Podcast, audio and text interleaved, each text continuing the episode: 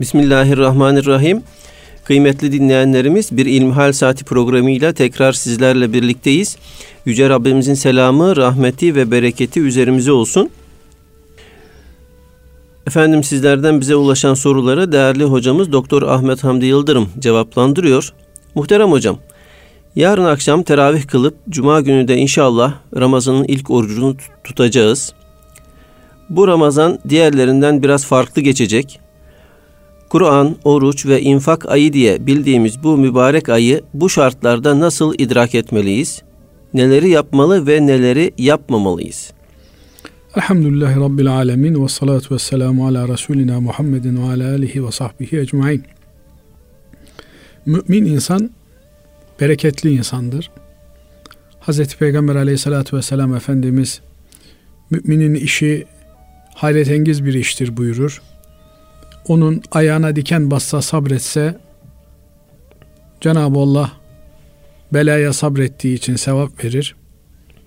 Başına güzellik gelse, talih kuşu konsa şükreder, hamd eder. Cenab-ı Allah bundan dolayı kendisine ecir verir, mükafat verir. Bu meyanda bir hadisi şerifi var Efendimiz Aleyhisselatü Vesselam'ın. Yani her halükarda başına nimet de gelse, başına bir imtihan da gelse, mümin sabreder, sabrıyla beraber kazanır, şükreder, hamd eder, şükrüyle, hamdiyle kazanır. Binaenaleyh geçen senelerde tuttuğumuz Ramazan ayından farklı bir Ramazan atmosferine giriyoruz.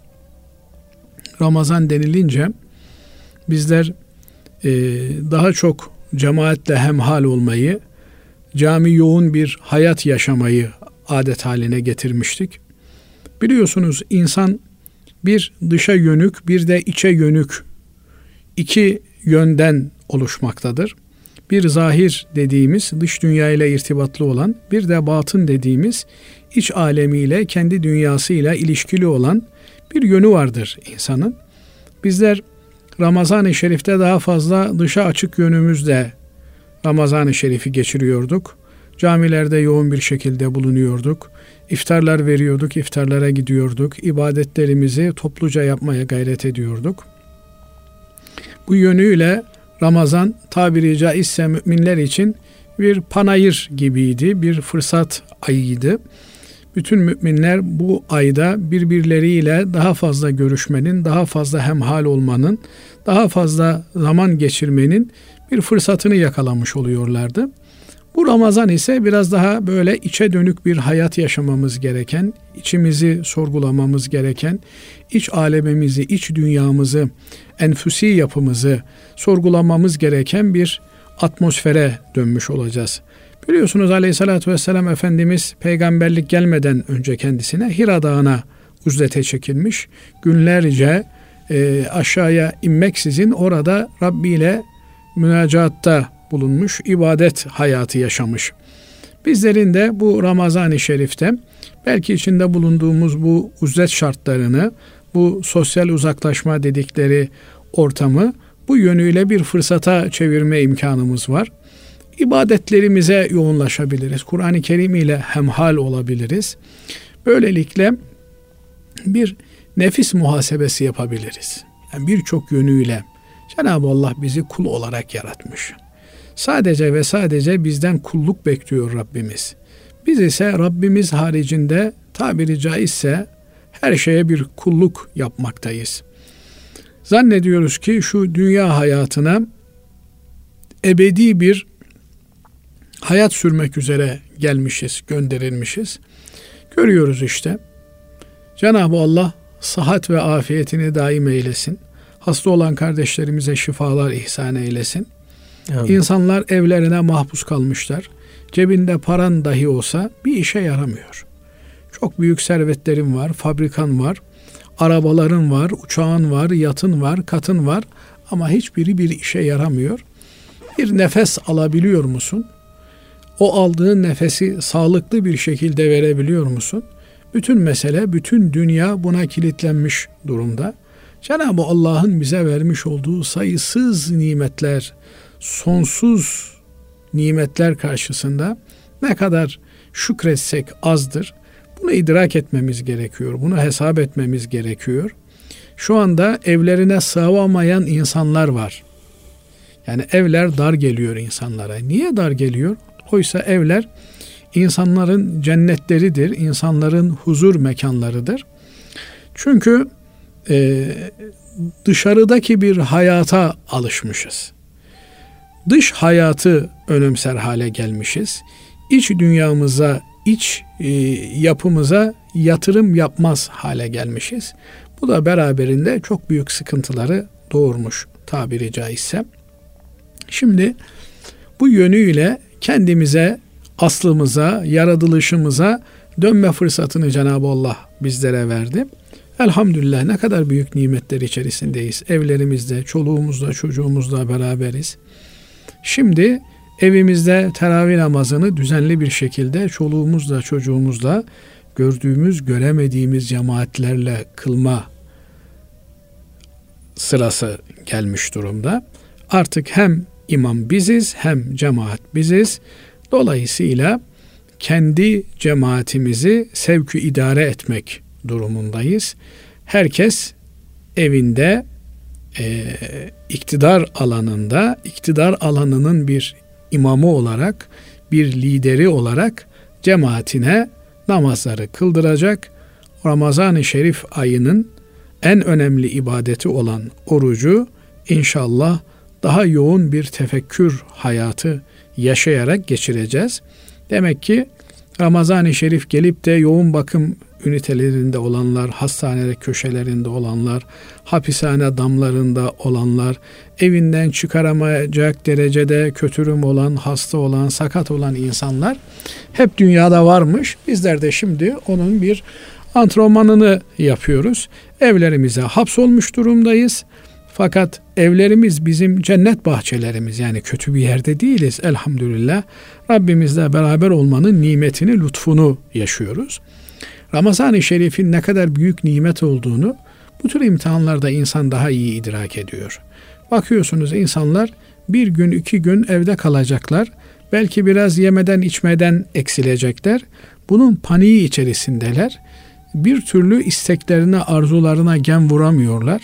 Yok diyemiyorlar. Aklına gelen her şeyi yapma e, eylemi içerisine giriyorlar.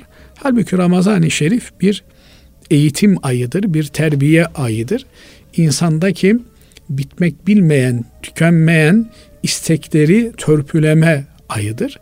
Bu yönüyle biz de isteklerimize bir gem vurmamız lazım. Kendimizi evlerimizde oluşturduğumuz, oluşturacağımız ev mescitleri dediğimiz, kıbletgahlar dediğimiz e, musallalarda, namazgahlarda ibadete vermemiz gerekiyor.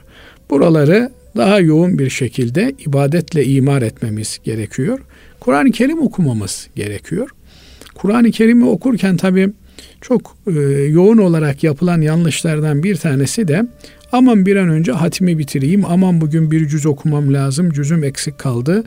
Hemen yalap çalap e, hızlı bir şekilde Kur'an-ı Kerim'i okuyarak Kur'an okuduğumuzu zannediyoruz. Oysa Kur'an-ı Kerim'i tilavet etmek demek, onu sindirmek demek, onu ruhumuza yedirmek demek. Hz. Ebu Bekir Efendimizin Bakara suresini 12 senede e, hatmettiği rivayet edilir. 12 sene Bakara suresini okumakla meşgul olmuş. E, Allah Allah ben bir saatte okuyorum yani yarım saatte okuyorum iki buçuk cüz tutan yani yaklaşık 50 sayfa Bakara suresi 12 sene nasıl bir şey bu diye belki merak edenimiz olabilir. Ama mesele lafzını okuyup geçmek değil. Yani Kur'an-ı Kerim bize bir şeyler anlatıyor. Kur'an-ı Kerim bize bir takım nasihatlarda bulunuyor. Emirleri var, yasakları var. Bu yönüyle de Kur'an-ı Kerim hemen ilk e, ayetlerinde Estağfirullah Bakara suresinin Elif Lam Mim Zalikel kitabu la raybe fi huden lil muttakin. Cenab-ı Allah Kur'an-ı Kerim'in bir hidayet kaynağı olduğunu söylüyor. İnsanlara rehber olduğunu söylüyor. Fakat bütün insanlar için bu hidayet söz konusu değil. Hüden lil muttakin. Muttaki olanlar için söz konusu. Yani Cenab-ı Allah'ın huzurunda olduğunu bilen, Allah'ın huzurunda, makamda olduğunun şuurunda, idrakinde olarak bir insan Kur'an-ı Kerim'i okumalı. Kur'an-ı Kerim'i gelişi güzel okuyup aman efendim işte ben bu Ramazan elhamdülillah 10 hatim yaptım, 20 hatim yaptım, 100 hatim de yapsak, 1000 hatim de yapsak bir ayeti doğru dürüst okumak gibi olmaz. Basri Hocam bazen e, işte Kur'an-ı Kerim'in manasını bilmeden okumak fayda vermez filan deniyor. Burada kastettiğimiz şey manasını bilmekten öte bir şey. Yani Allah'ın kelamını okuduğumuzun, Rabbimizin huzurunda olduğumuzun şuurunda olarak okumak lazım. Sonra elbette okuduğumuzun manasını bilmemiz lazım. Yani Cenab-ı Allah bize ne diyor? Elhamdülillahi Rabbil Alemin. Yani bir insan bu ayeti kerimeyi Fatiha'nın hemen ilk ayeti kerimesini okuduğunda buradan tüyleri diken diken olup alemlerin Rabbi, bütün varlık aleminin yani alem dediğimiz işte 18 e, bin alemden bahsediliyor. Bazıları 70 bin alemin olduğunu söylüyor. İnsanlar bir alem, kuşlar bir alem, hayvanlar farklı farklı alemler, melekler bir alem, cinler bir alem. Böyle binlerce alem söz konusu. Yani Cenab-ı Allah'ın yarattığı ve varlığına, birliğine şahit olarak tuttuğu Allah'ı bildiğimiz, tanıdığımız gördüğümüz, göremediğimiz binlerce alem var. Bütün hepsinin Rabbi. Bir mikroptan bahsediliyor şimdi işte bir virüsten bahsediliyor. Bu virüsü e, şu bu yaratmadı. Bunu da yaratan Cenab-ı Allah. Binaenaleyh bunun da sevkü idaresi Cenab-ı Allah'ın kudret elinde. Biz virüsten korkacağız elbette çekineceğiz tedbirimizi alacağız ama virüsün sahibi olan Rabbimize karşı vazifelerimizi ne kadar yerine getirebiliyoruz? Doktora teşekkür ediyoruz. Hatta bugünlerde böyle çok yanlış olarak kullanılan bir ifade var. Böyle tüylerim diken diken oluyor. Ee, işte korona virüsüyle olan savaşını kazandı. Ee, maalesef yenik düştü, yenildi. Yani kiminle savaş yapıyoruz? Binaenaleyh bu tür hastalığı yendi, hastalığı kaybetti, mücadeleyi kazandı türünden böyle bir e, savaş ortamına koymak insanın kendisini çok yanlış bir e, düşünce, çok yanlış bir tasavvur.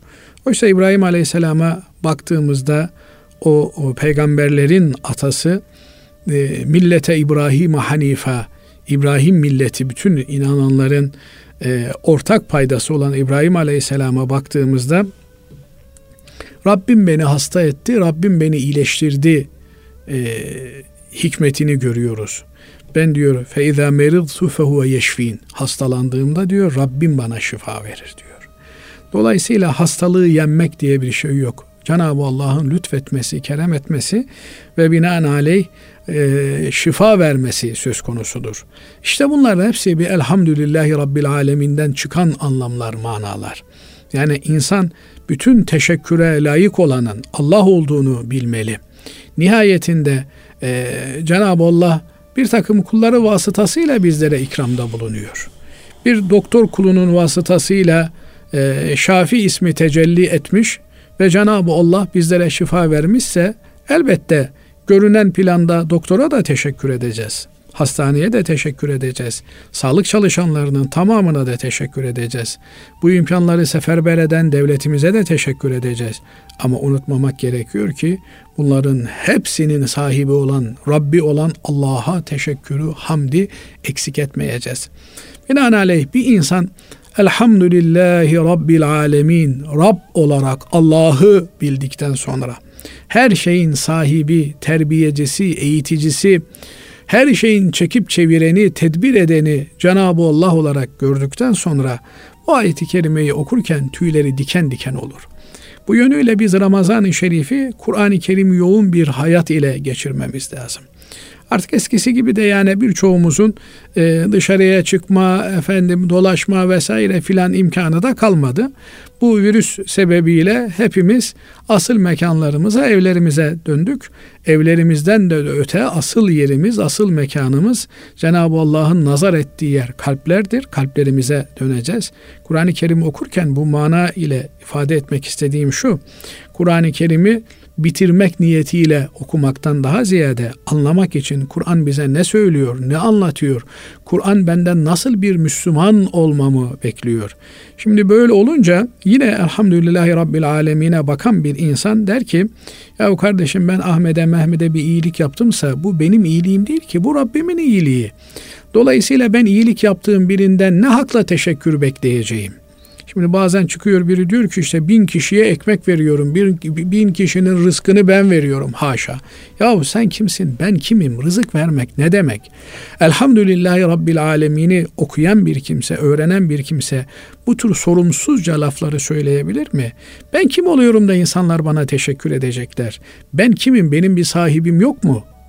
Yani bir patron işçisine şuraya şu malı götür dediğinde o malın e, teslim alan kişi işçiye mi teşekkür eder, patrona mı teşekkür eder? Asıl patron Cenab-ı Allah, alemlerin Rabbi olan, kainatın efendisi olan Allah'ımız kim kime ne için teşekkür edecek? Dolayısıyla elhamdülillahi Rabbil alemini düşünen bir insan sadece elhamdülillahi Rabbil alemin, elhamdülillahi Rabbil alemin tekrar etse etse etse bunu bitiremez, bitirmeye gücü yetmez. Er-Rahmanir-Rahim, Rahmandır, Rahim'dir Rabbimiz. Esirgeyendir, bağışlayandır, ikramı çok olandır, rahmeti bol olandır. Biz birbirimize ne kadar merhamet ediyoruz. Cenab-ı Allah Rahman ve Rahim olduğunu bizlere duyuruyor, bizlere bildiriyor. Siz de benim gibi merhamet edin diyor. Ben size merhamet ediyorum. Bakın ben sizin eksiğinizi görmüyorum, kusurunuzu görmüyorum, yanlışınızı görmüyorum.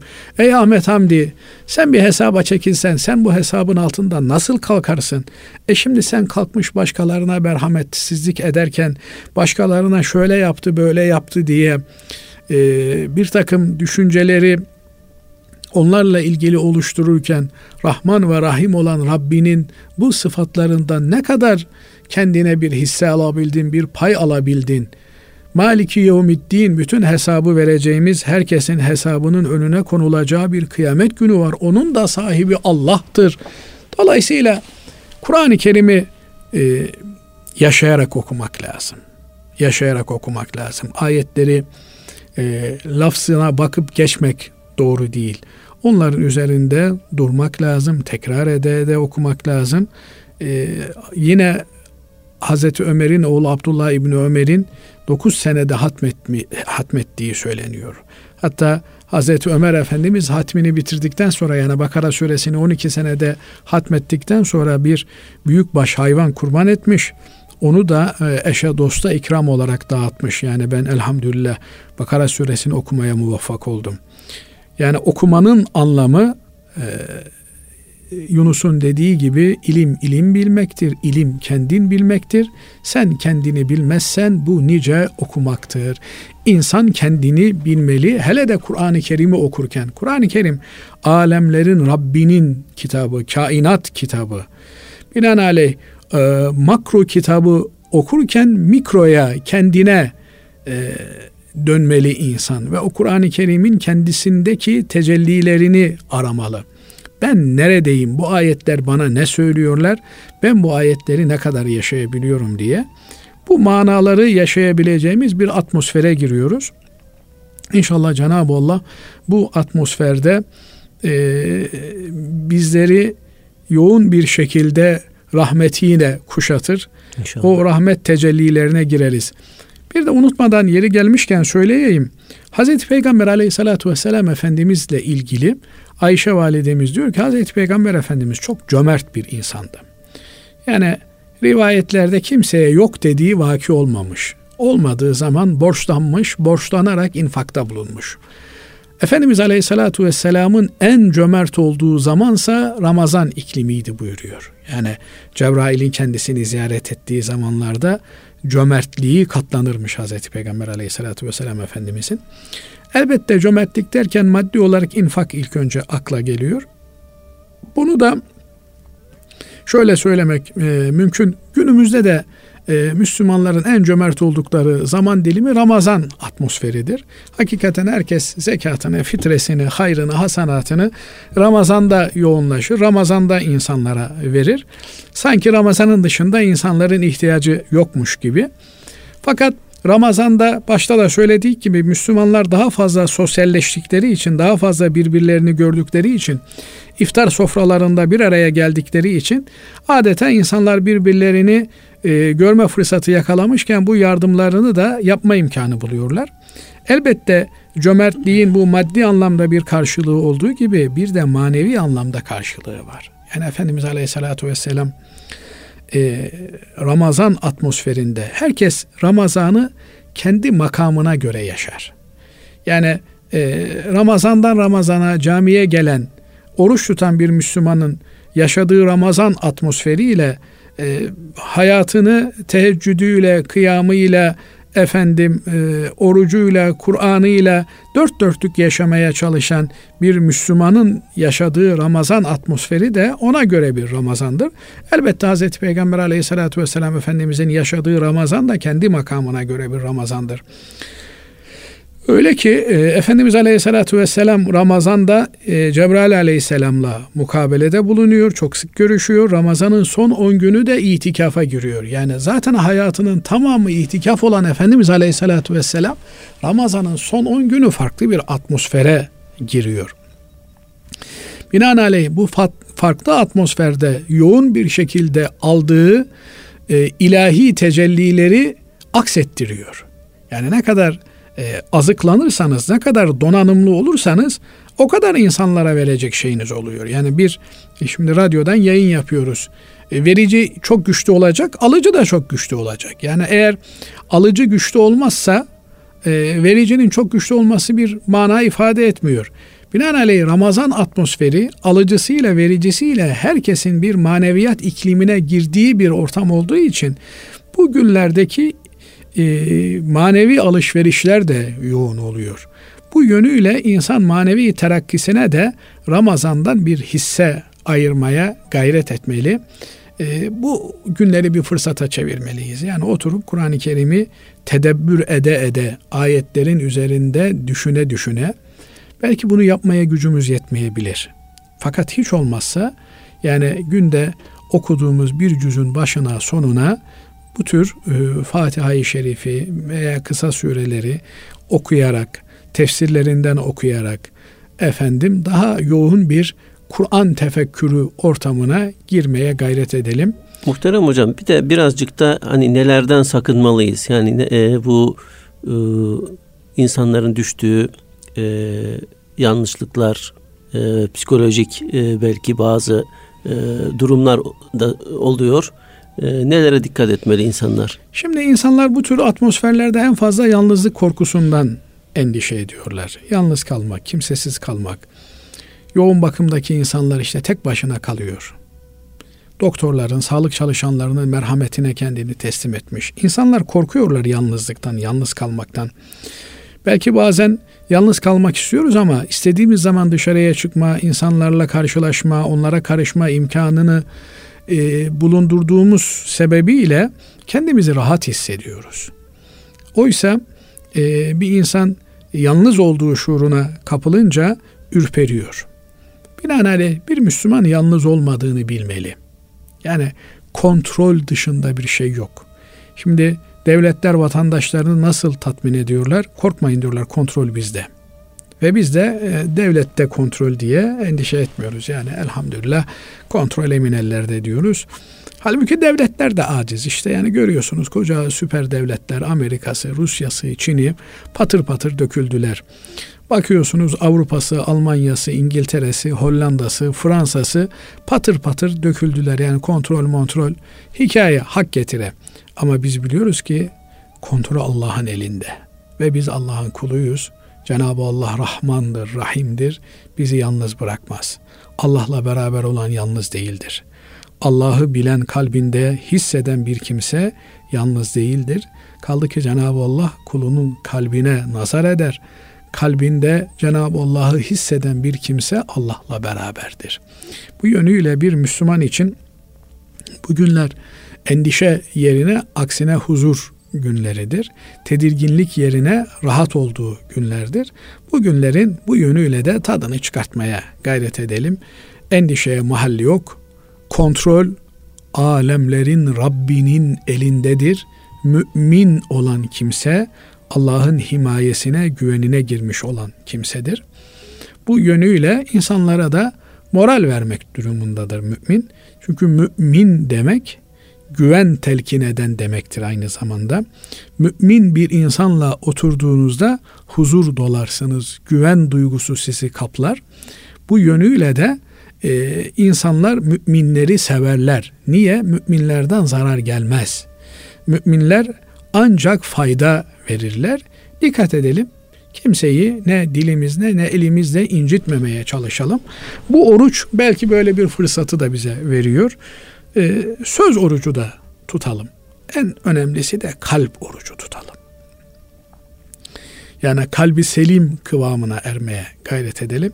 Cenab-ı Allah e, Müslümanı Hazreti Peygamber aleyhissalatü vesselam Efendimiz elinden dilinden Müslümanın zarar görmediği men selimel müslimune min lisanihi ve yedihi elinden dilinden Müslümanların salim olduğu bir kimse olarak Hazreti Peygamber Efendimiz tanımlıyor.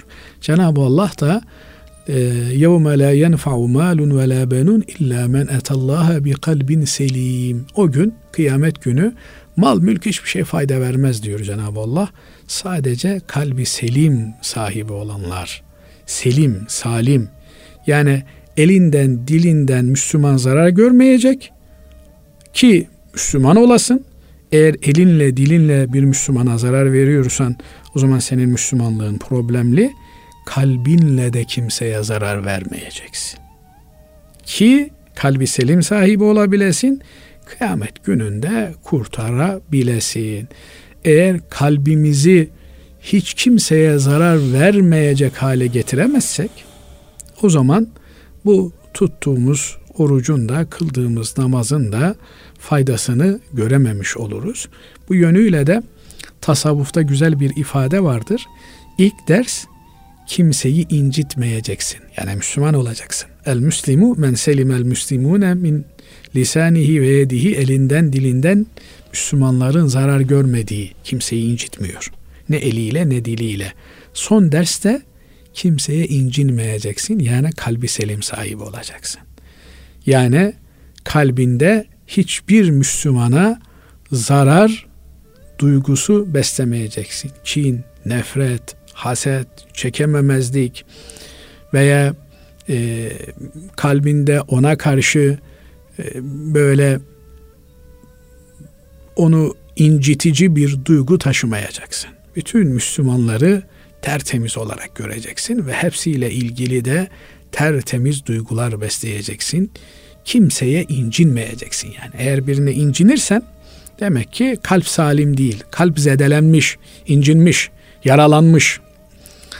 Dolayısıyla e, Rabbim inşallah hem incitmeyen hem de incinmeyen bir atmosfer iklimine girdiğimizin şuurunda olarak bu iklimden bayram sabahı öyle rivayet etmişler. Sami Efendimiz'den Kaddesallahu sirrahum. Bir kurban bayram e, sohbeti yaparken işte asıl bayram demiş يَوْمَ لَا يَنْفَعُ مَالٌ وَلَا بَنُونَ اِلَّا مَنْ اَتَ اللّٰهَ بِقَلْبٍ selim Kalbi selimle Rabbimize kavuşabilmektir demiş. Cenab-ı Allah bu atmosferi yaşayabilmeyi ve kalbi selime doğru ilerlemeyi cümlemize nasip ve müyesser eylesin. Amin. Allah razı olsun hocam. Teşekkür ediyoruz. Efendim şimdi kısa bir araya gideceğiz. Aradan sonra kaldığımız yerden programımıza devam edeceğiz.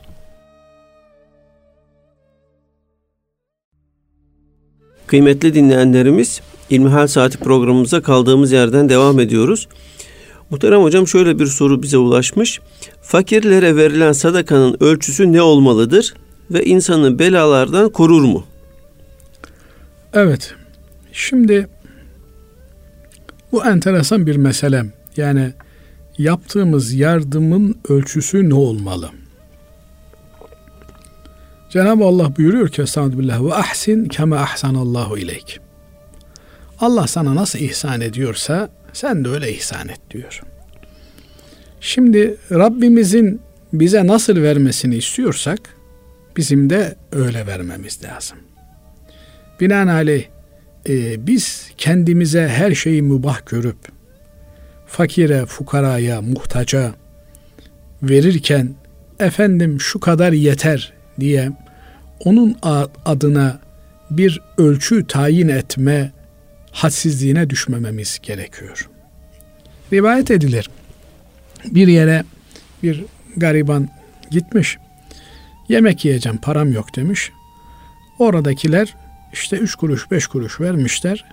Demiş ki kardeşim demiş kuru ekmek yiye yiye gına geldi. Bugün demiş etli yemek yiyeceğim demiş. Bu para yetmez.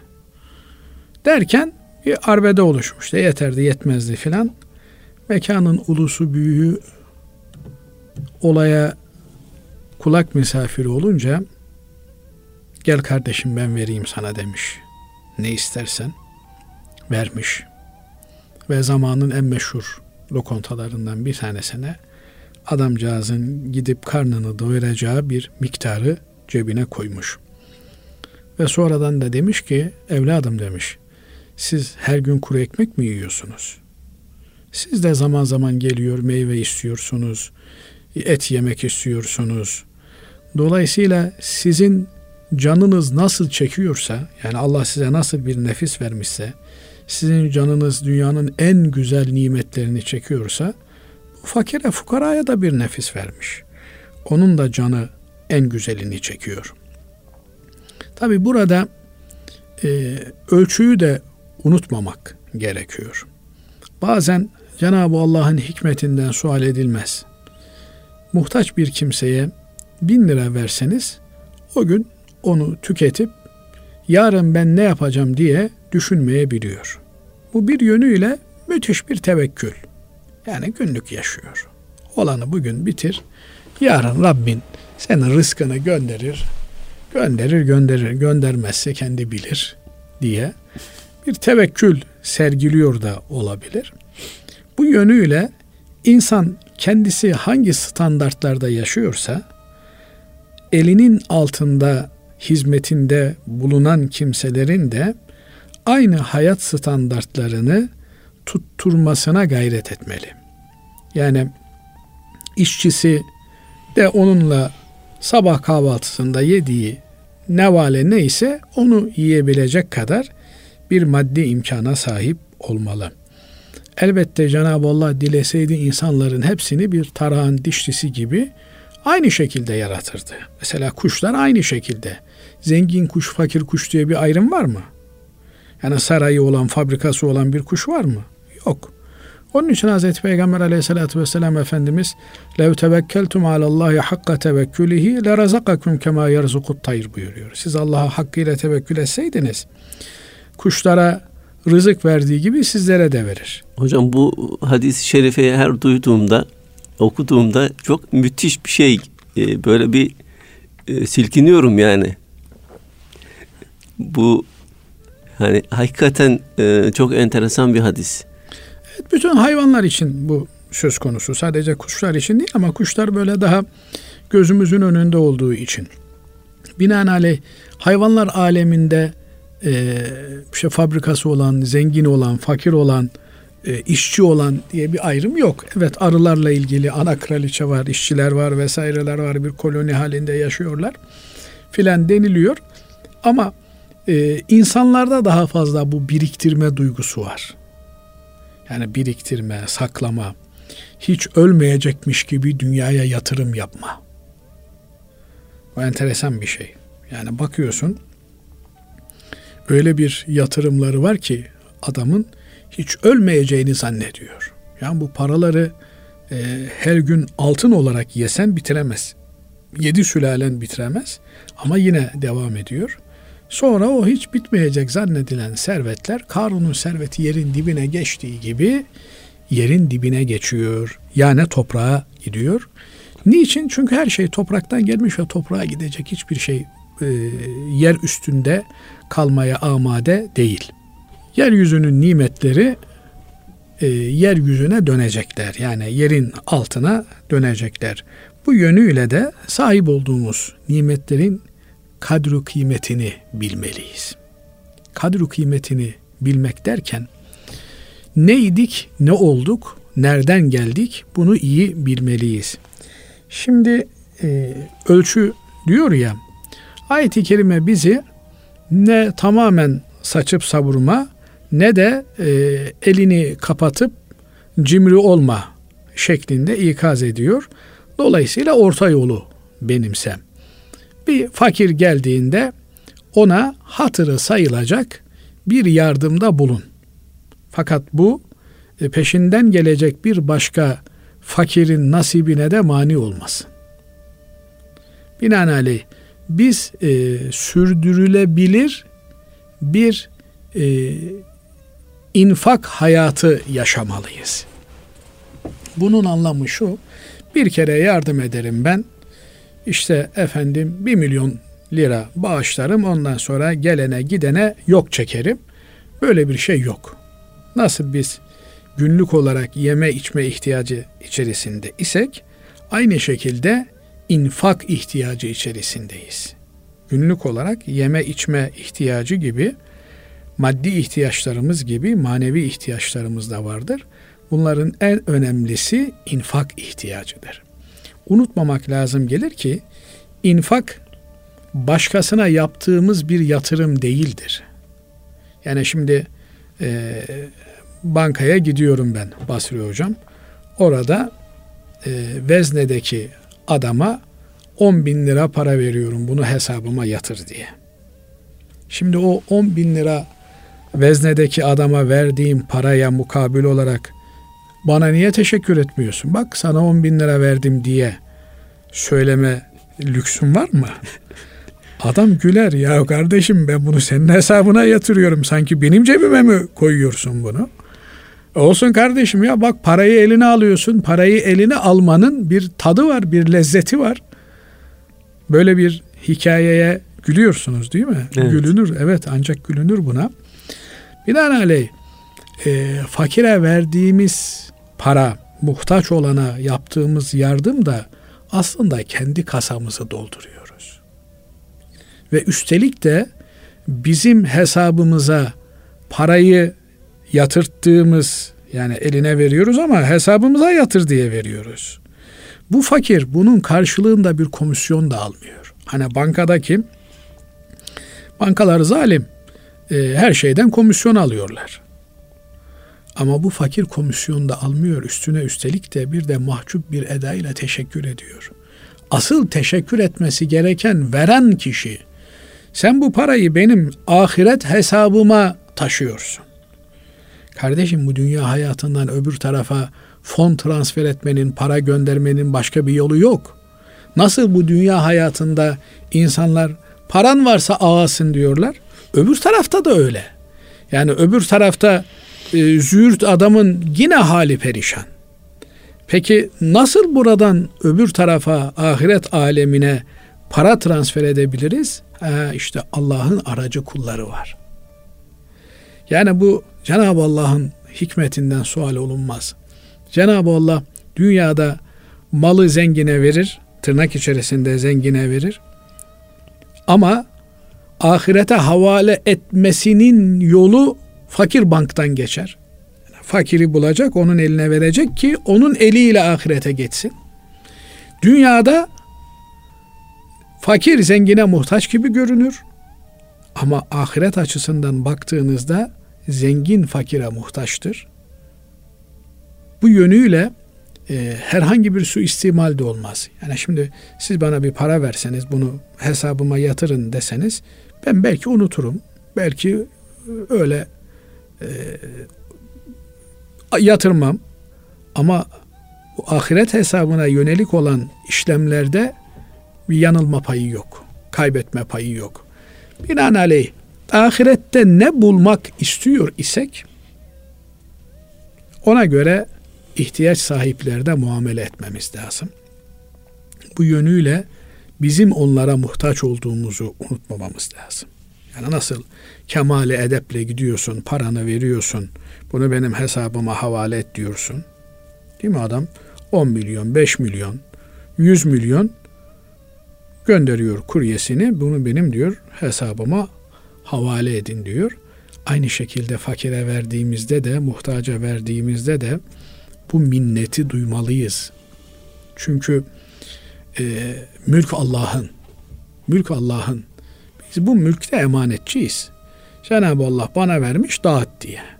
Bana vermiş çoluğuna, çocuğuna, kendine, etrafındakilere, fakirlere bunu dağıt diye.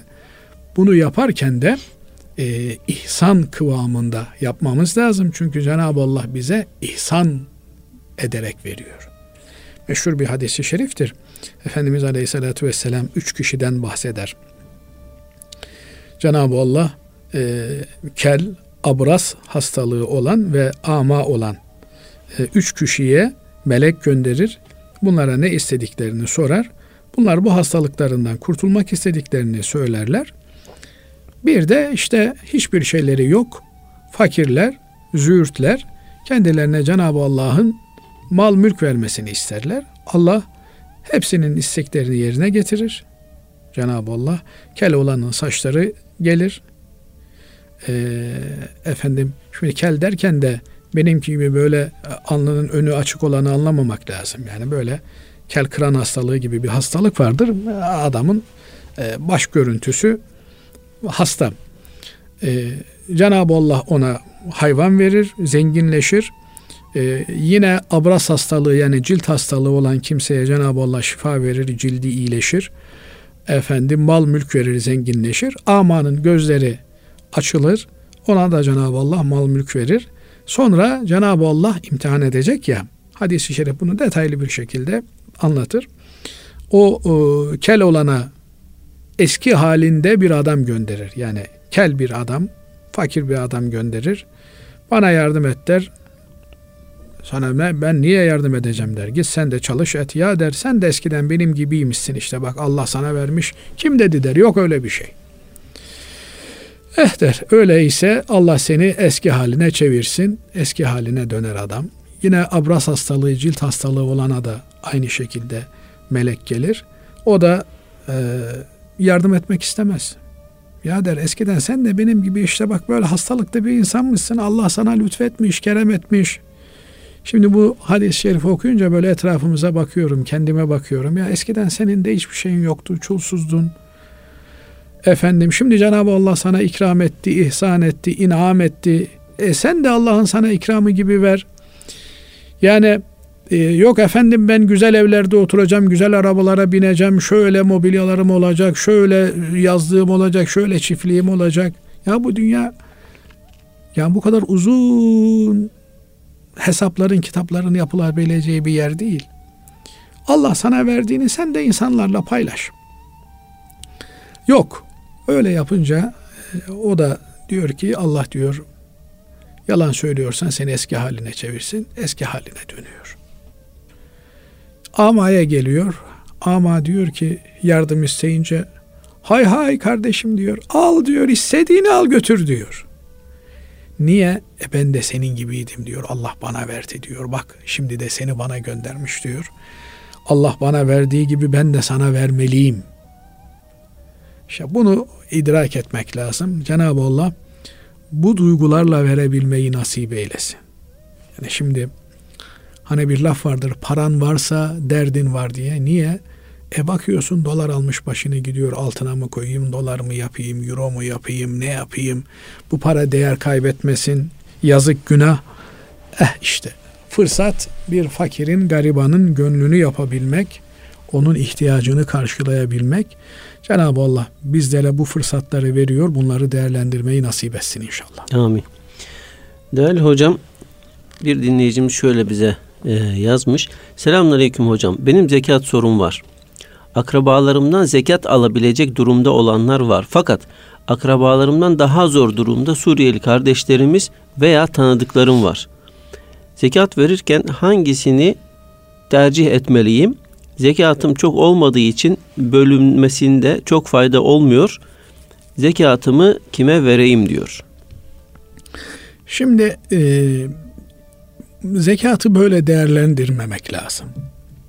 Yani benim işte bin liralık bir zekatım var. Bunu birine verdim bitti zaten. Ya bunu ona mı vereyim buna mı vereyim? Cenab-ı Allah bizden vehum liz zekati failun. Zekat için faaliyette bulunurlar diye bahsediyor. Yani felaha ermiş olan kadeflahel müminun. Felaha ermiş, kurtuluşa ermiş olan mümin kulların özelliklerinden bir tanesi de onların zekat faaliyeti vardır. Yahu kardeşim ben zekata muhtaç bir adamım. Ben zekat alacak durumdayım. Nasıl zekat faaliyetim olacak? Zekat faaliyeti demek illa zengin olup da insanlara e, zekatını vereceksin anlamına gelmiyor. Bir, zekat faaliyeti içerisinde olmak, Cenab-ı Allah'ın verdiği serveti, malı, mülkü zekat vermek için planlamak. Ya kardeşim niye bu fabrikayı açtın ya? Bu kadar zahmetin altına niye giriyorsun? E zekat vereceğim. Zekat faaliyetim benim bunlar. Sahip olduğu her şeyi zekat faaliyetine bir araç olarak görür mümin. Yani bu kadar fabrikalar, bu kadar işletmeler, bu kadar şubeler bunların hepsi zekat vermek için. İkincisi Cenab-ı Allah bana belki e, mal mülk vermedi. Fakat güç kuvvet verdi. O verdiği güç kuvvetin zekatını vermek için bir faaliyette bulunacağım.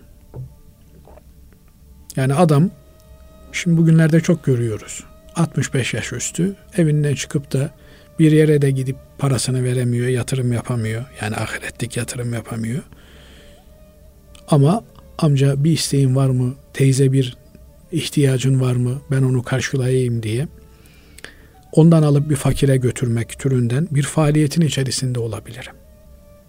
Yine en önemli faaliyetlerden bir tanesi de zekatta zenginle fakir arasında aracılık hizmetleri yapmaktır. Yani bugün elhamdülillah memleketimizde e, zekat denilince, hayır denilince, ihsan, infak denilince milletimiz galeyane geliyor. Fakat ne var ki güven problemimiz oluşmuş. Yani ihtiyacı var mı, yok mu? Acaba yanlış sömürülüyor muyum diye böyle bir problem çok yoğun bir şekilde hepimiz yaşıyoruz. Ama ben Basri hocama itimat ediyorum. E Basri hocam da diyor ki ya hocam benim kapı komşunun ihtiyacı var diyor. Veya bizim mahallede bir yeni evli çift var. Bunların ihtiyacı var. E, delikanlı işten çıktı. Kirasını ödemekte zorlanıyor. Bunlara yardım yapabilir miyiz? Yardım yapabilecek birini tanıyor musunuz? İşte bunlar hep zekat faaliyeti. Aracılık hizmetleri. Binaenaleyh Zekatımı kime vereceğim? Buradaki ölçü şu. Ben e, önce kendi ihtiyaçlarımı, sonra evladu iyalimin ihtiyaçlarını ve akrabalarımın, komşularımın ihtiyaçlarını görmekle memurum. Yani sıralamada kendim, bakmakla yükümlü olduğum çocuklarım, anam, babam, akrabalarım, sonra sıla-i rahimle yükümlü olduğum yani iyilikte öncelemem gereken akrabalarım, dayımdır, efendim teyzemdir, e, dayı çocukları, amca çocukları, teyze çocukları her neyse veya köylümdür çünkü köyümde de muhakkak iki üç e, batın yukarısında bir akrabalık vardır. Ondan sonra etrafımdaki. Ama benim etrafımdaki insanlar elhamdülillah karınlarını doyurabiliyorlar. Filan yerde sadece benim ulaşabildiğim başkasının ulaşamadığı bir takım kimseler var. Onlar karınlarını doyurma problemi yaşıyorlar. Elbette önce karınlarını doyurma problemi yaşayanlara el uzatmam gerekiyor. Çünkü orada bir farzı ayın söz konusu. Yani diyelim ki biri düşmüş denize ben çok iyi yüzme biliyorum. Onu önce ben gördümse benim kurtarmam lazım. E yok ben kardeşim e, itfaiyeyi arayayım. Şimdi bu da bir hastalık olmaya başladı. Adam kalp krizi geçiriyor. İnsanlar o, o adamcağız orada debelenirken e, işte polisi arayalım, itfaiyeyi arayalım, ambulansı arayalım. E kardeşim yani yok mu hiç içinizde bu ilk yardım eğitimi almış bir kimse acil müdahale etsin? Bu yönüyle de Müslümanın her duruma hazırlıklı olması lazım. Binaenaleyh ölçüyü iyi değerlendirmek lazım. Allah'ın önümüze çıkardığı fırsatları iyi kullanmak lazım. Elbette yardımı akrabamızdan başlayarak ihtiyaç sırasına göre yapacağız. Şimdi öyle bir şey dolaşır. Kimin paraya ihtiyacı yok ki dünyanın en zengin insanına bile gitseniz ihtiyacın var mı deseniz var der. Ama bir ihtiyaç var ki zaruri ihtiyaç, bir ihtiyaç da var ki e, işte e, keyfe keder bir ihtiyaç. Yani önce zaruri ihtiyacı görmek lazım. Sonra keyfe keder olanını görmek lazım. Cenab-ı Allah infakta da e, düzgün infak yapabilmeyi, e, ehil olanlara infak yapabilmeyi cemi cümlemize nasip eylesin. Allah razı olsun değerli hocam. Kıymetli dinleyenlerimiz bir İlmihal Saati programının daha sonuna ermiş bulunuyoruz. Hepinizi Allah'a emanet ediyoruz efendim. Şimdiden Ramazan-ı Şerifiniz mübarek olsun diyoruz. Allah'a emanet olunuz. Hoşçakalın.